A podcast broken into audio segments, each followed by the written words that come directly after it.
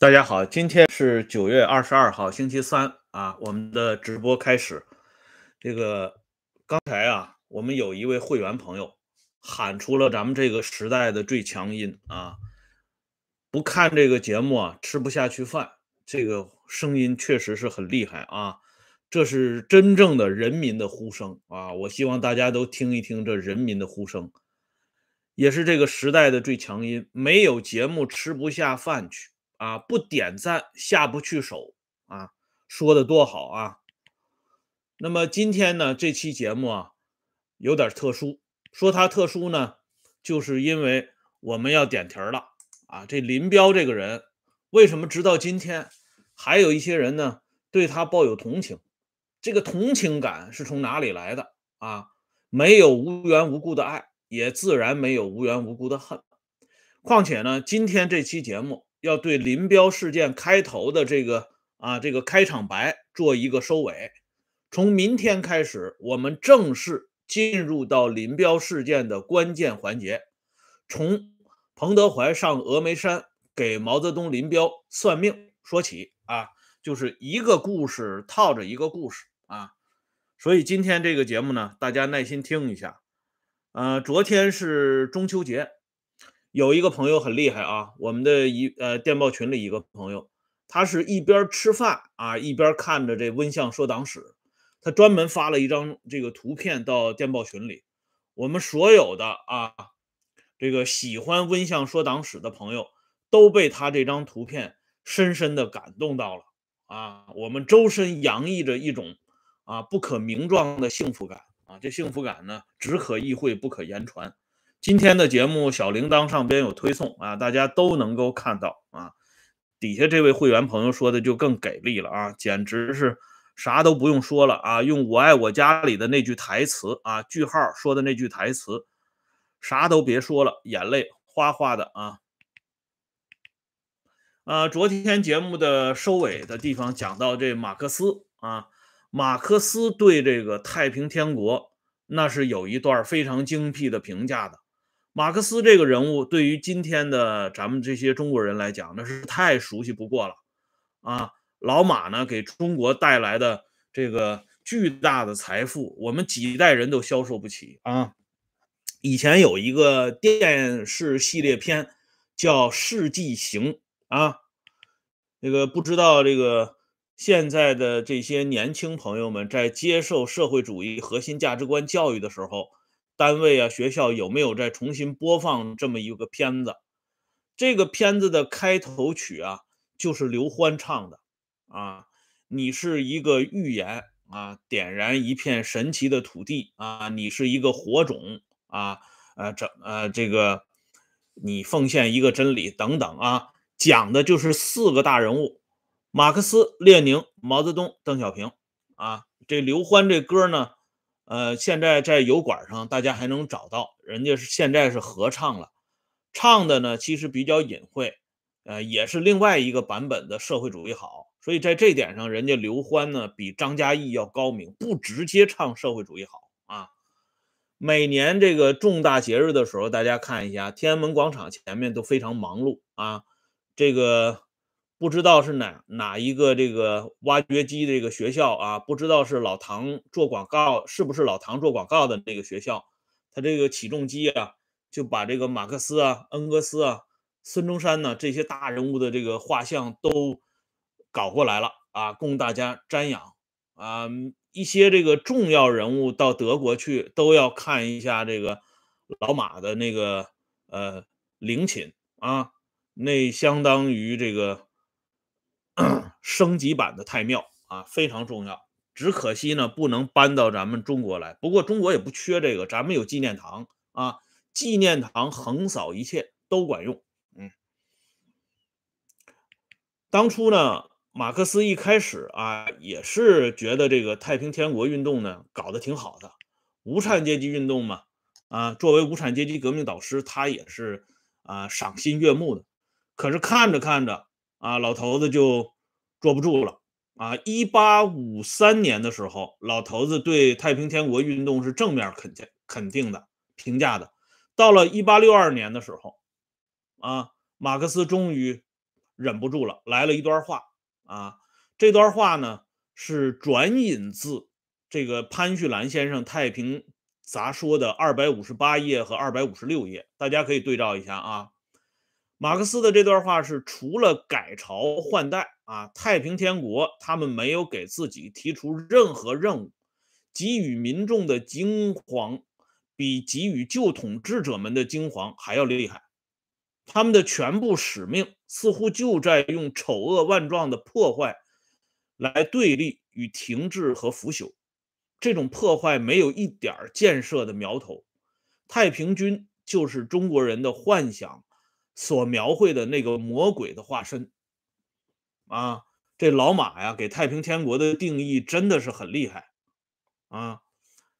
这个大家万万没想到啊，这么一场轰轰烈烈的啊，前后长达十四年，太平军的余部呢，新捻军又折腾了将近四年，横跨十八省啊，极大的动摇和这个打击了清政府的反革命气焰和统治基础。为全中国人民啊点燃了希望的火种，并指引出一条新的革命道路的运动，居然是魔鬼的化身啊！而且这魔鬼的化身呢，就是咱们自己想象出来和描绘出来的。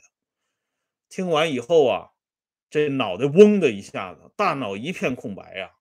如果这段话不是出自于咱们这位啊伟大的无产阶级革命导师马克思之口的话，我相信很多中国人民都会怒不可遏呀，估计连饭都不能吃了啊，只剩下点赞了。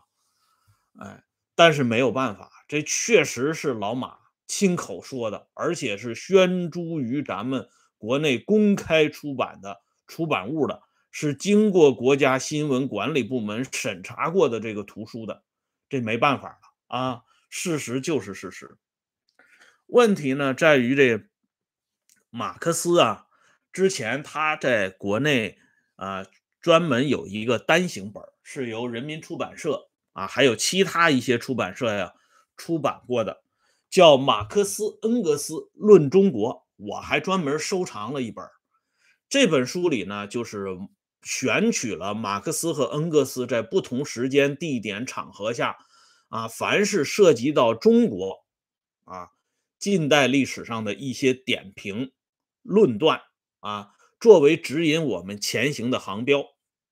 这小册子很好读啊，我每天有时候我就翻一翻，这是经典呐，哎，可是呢，在这么一个经典的小册子里边，我就找不到马克思关于太平天国的评价啊。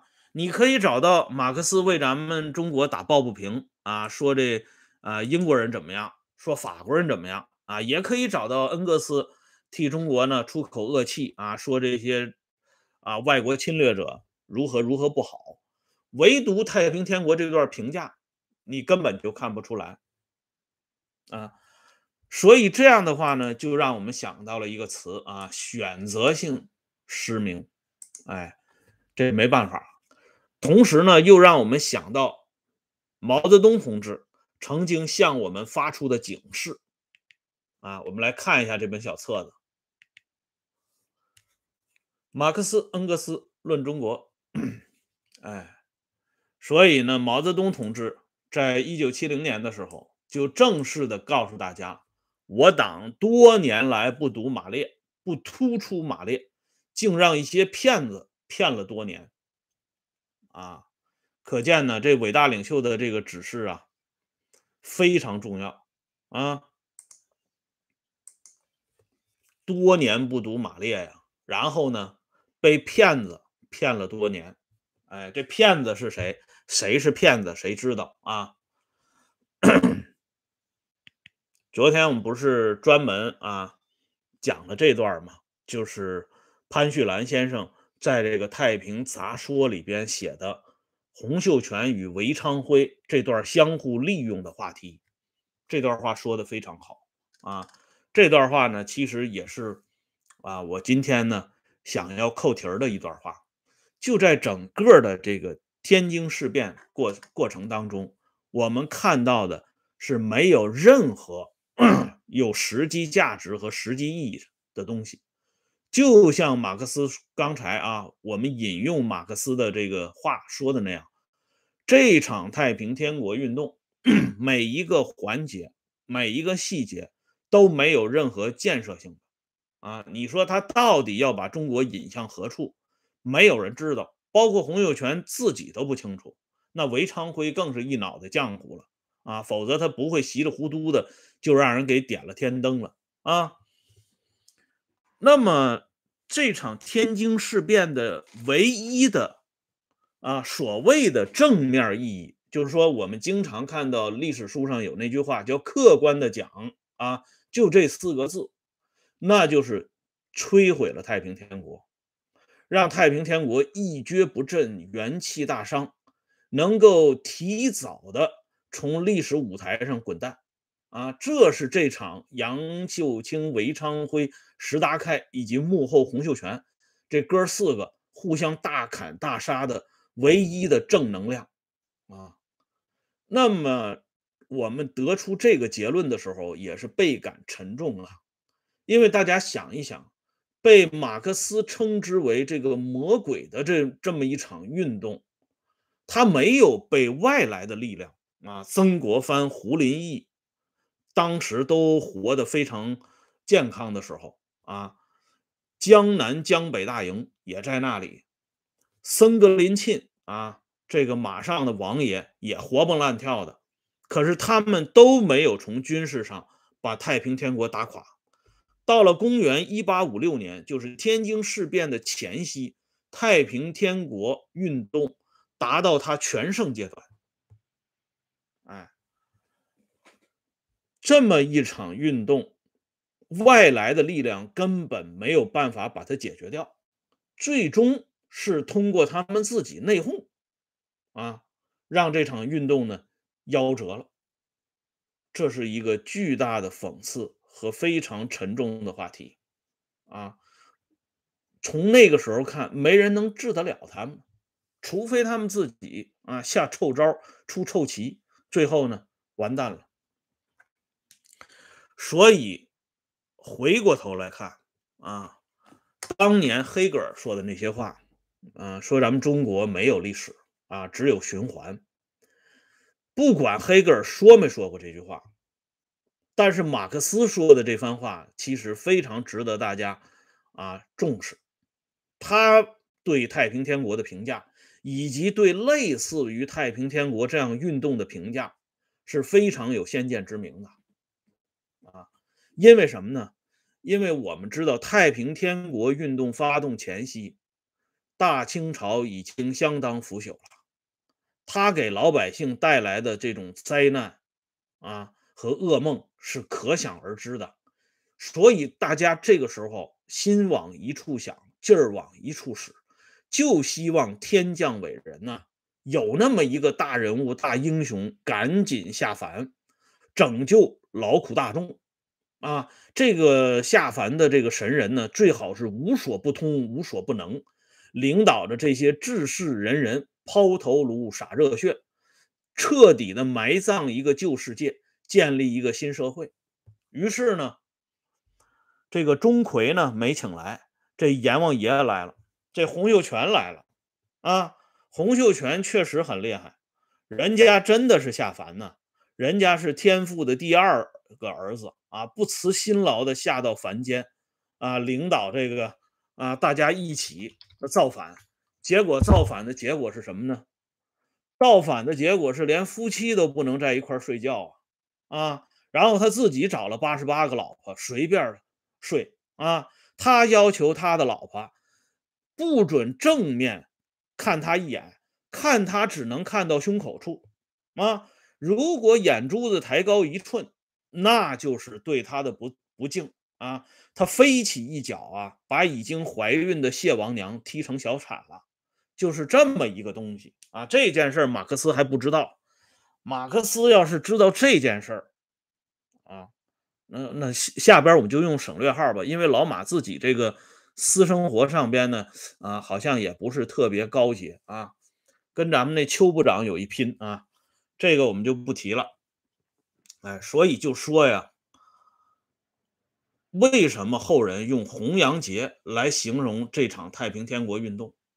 啊，大家迎来的不是那个打鬼的钟馗啊，而是消灭一切的阎王爷。哎，而他来了以后呢，还就不准备走了。如果不是他们昏招迭出，搞出了这么一场天津事变，哎，他真有可能坐在南京城里，他就不走了，或者晚走那么十几二十年。那大家想想，东南大局啊，真应了曾国藩的那四个字啊，真堪痛哭啊！那只有哭的份儿啊！哎，所以天津事变给我们的结论就是啥呢？就是如果想找到一条出路，那只有内讧啊，只有内讧才是解决问题的唯一办法，外来的力量解决不了啊。内在的也没有思想的唤起啊，更没有几个脑瓜子清楚的。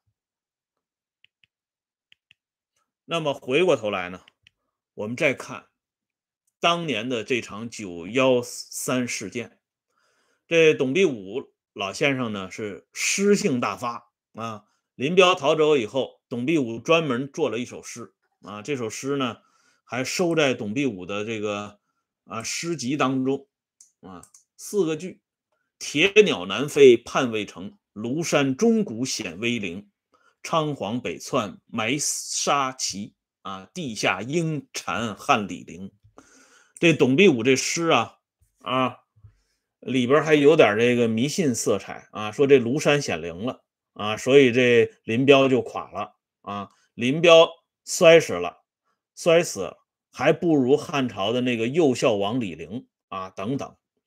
董必武写这首诗呢，不管他的初衷和目的是什么，他站出来写这么一个诗，谴责林彪是可以理解的。因为第一，他是毛泽东同志的亲密亲密战友；第二，他跟林彪都是同乡啊。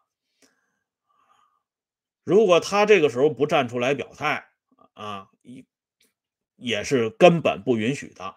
那么今天呢，我的标题里边有一句话。就是说到林彪这个人，还有一丝军人的本色，或者说呢，还有一丝做人的血性。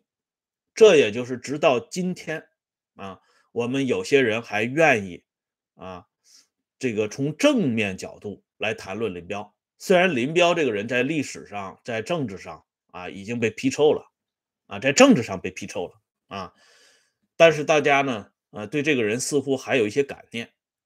因为相比较于刘少奇、啊周恩来和邓小平这三个重量级人物来讲，林彪是敢于同毛泽东进行正面抗衡的。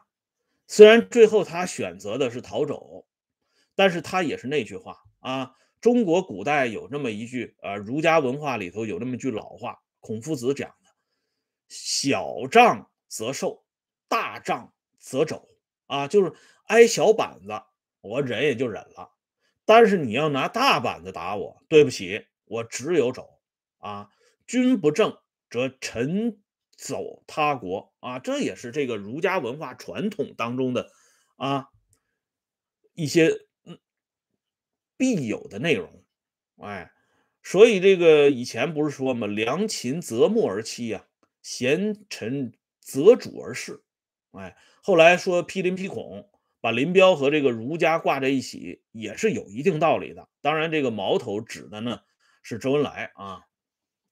所以从这一点上讲呢，就是林彪不管他是出于什么样的目的啊，不管他与毛泽东之前有什么样的勾结、勾兑和相互利用，在最后这发子弹上边上啊，还是体现出林彪的这一丝的军人的本色。啊，要说军人呢是有血性、有骨气，不全然。我们看到有很多国家的军人，在面临国家灾难和危难来临之际，首先就下跪了。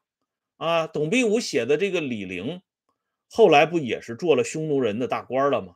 当然了，李陵的这个结局和遭遇是是备受大家同情的，他是被逼无奈啊，有点像方先觉守衡阳那个概念啊，不完全是那个意思。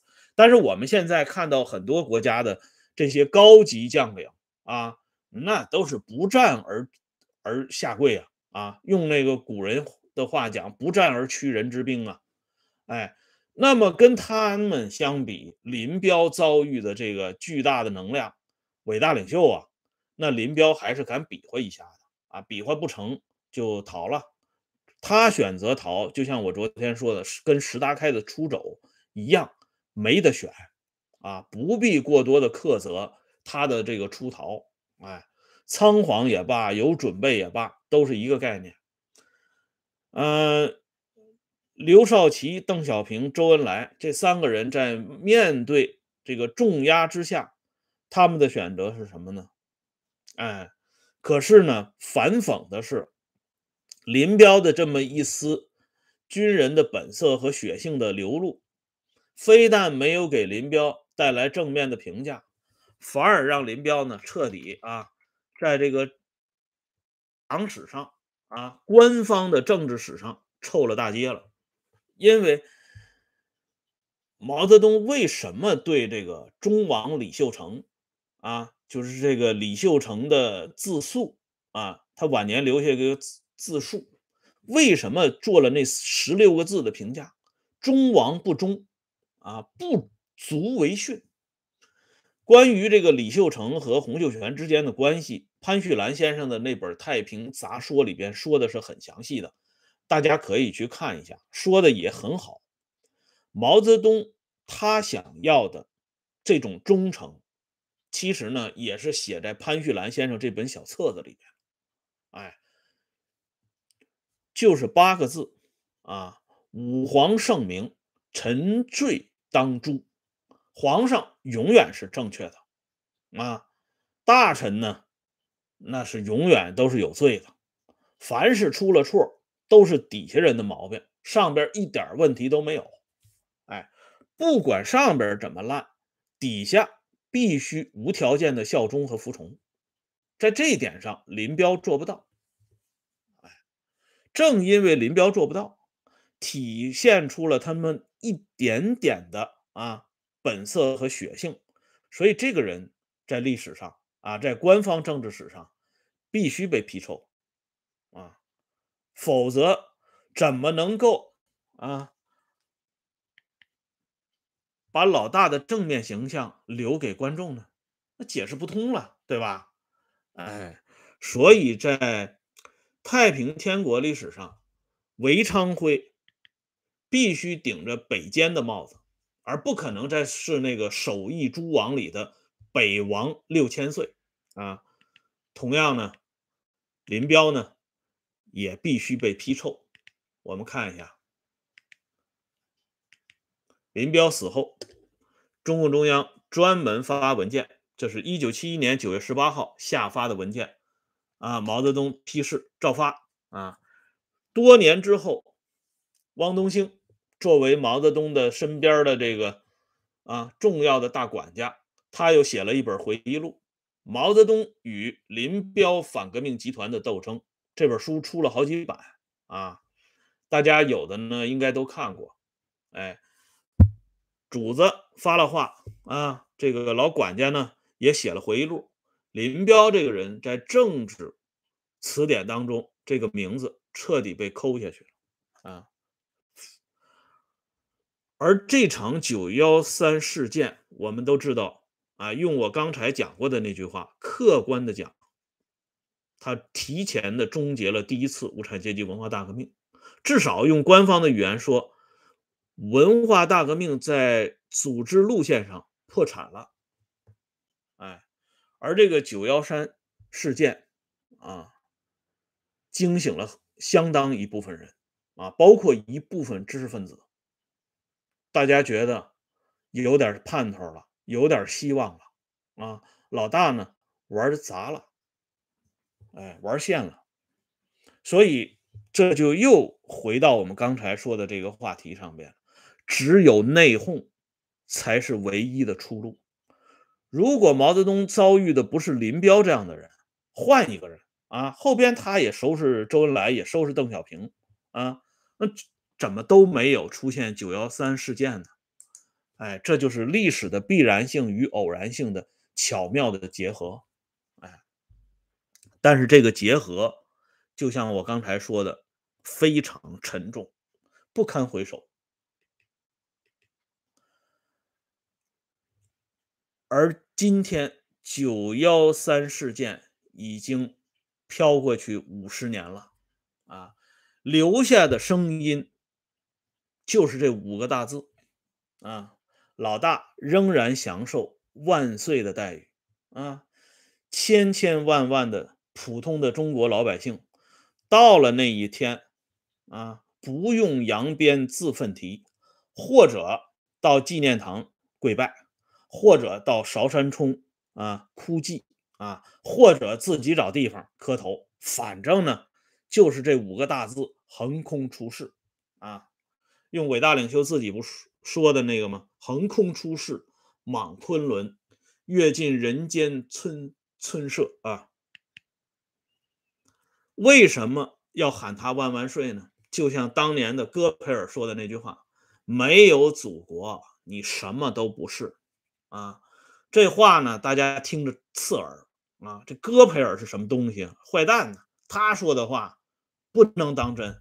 那么我们就不看这坏蛋说的话，我们看另外一位伟大的人物说的话啊。这个话咱们来看一下，这是邓小平同志说的话。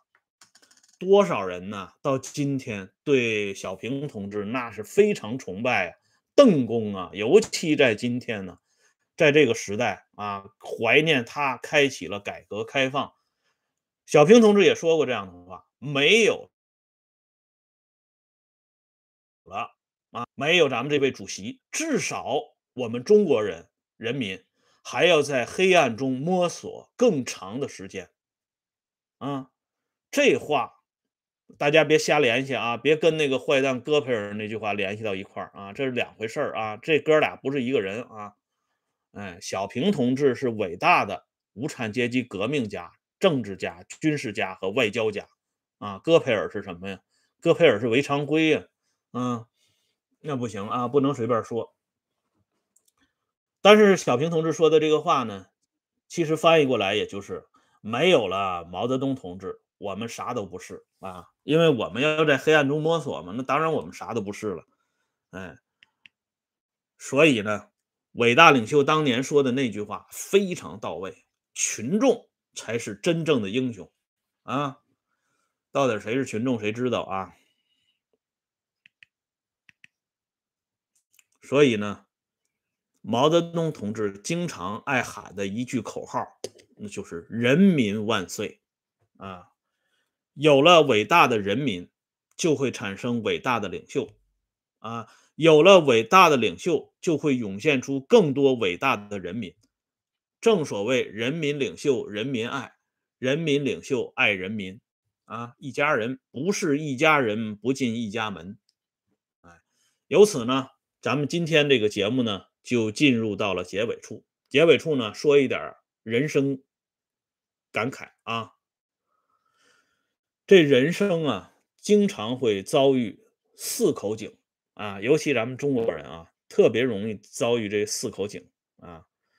这个另外呢，人生呢有四四层认识认知啊，这个认知呢是叠加的。第一层呢是传销，大家都知道这传销是非法的啊，不能跟他往一块凑。但是传销呢，在某些情况下，他会打扮成理财的这个面目出现。所以有一些老百姓呢，啊，就掉到这口井里去了。那第二层呢，叫为人民服务，啊，这个是毛泽东提出来的。这个东西呢，呃，好像有些朋友已经不太相信了啊，觉得这为人民服务是真的吗？啊，怀疑了。但是在那个年代里，很多人都相信为人民服务。啊，认识了传销和为人民服务的人呢，别。别着急啊，还有第三层等着你，它叫改革开放啊。呃，有没有被第三层给绊住？那我们不知道。看了前一段时间的这个节目，我发现很多人对改革开放这个词特别的留恋啊。没事儿啊，即便是跨过这第三层，还有第四层，哎，有个新名词儿叫全球化，哎，所以呢，这人生啊，遍地都是井。这井呢，其实数来数去就这四口井啊，不多，不外乎这四个内容。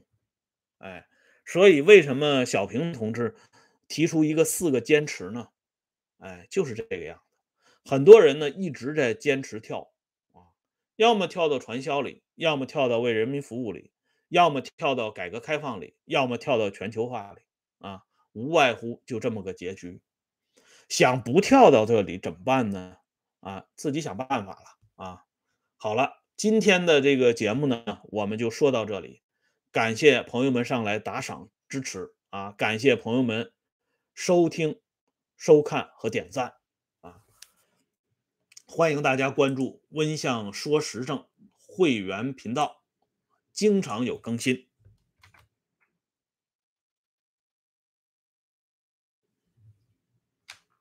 这有位会员朋友上来啊，很好，谢谢啊。好了，今天我们就说到这里，明天我们正式开启啊这个林彪事件的第一幕。三颗鱼雷，四口井啊啊！大家都加点小心，各自保重吧。哎。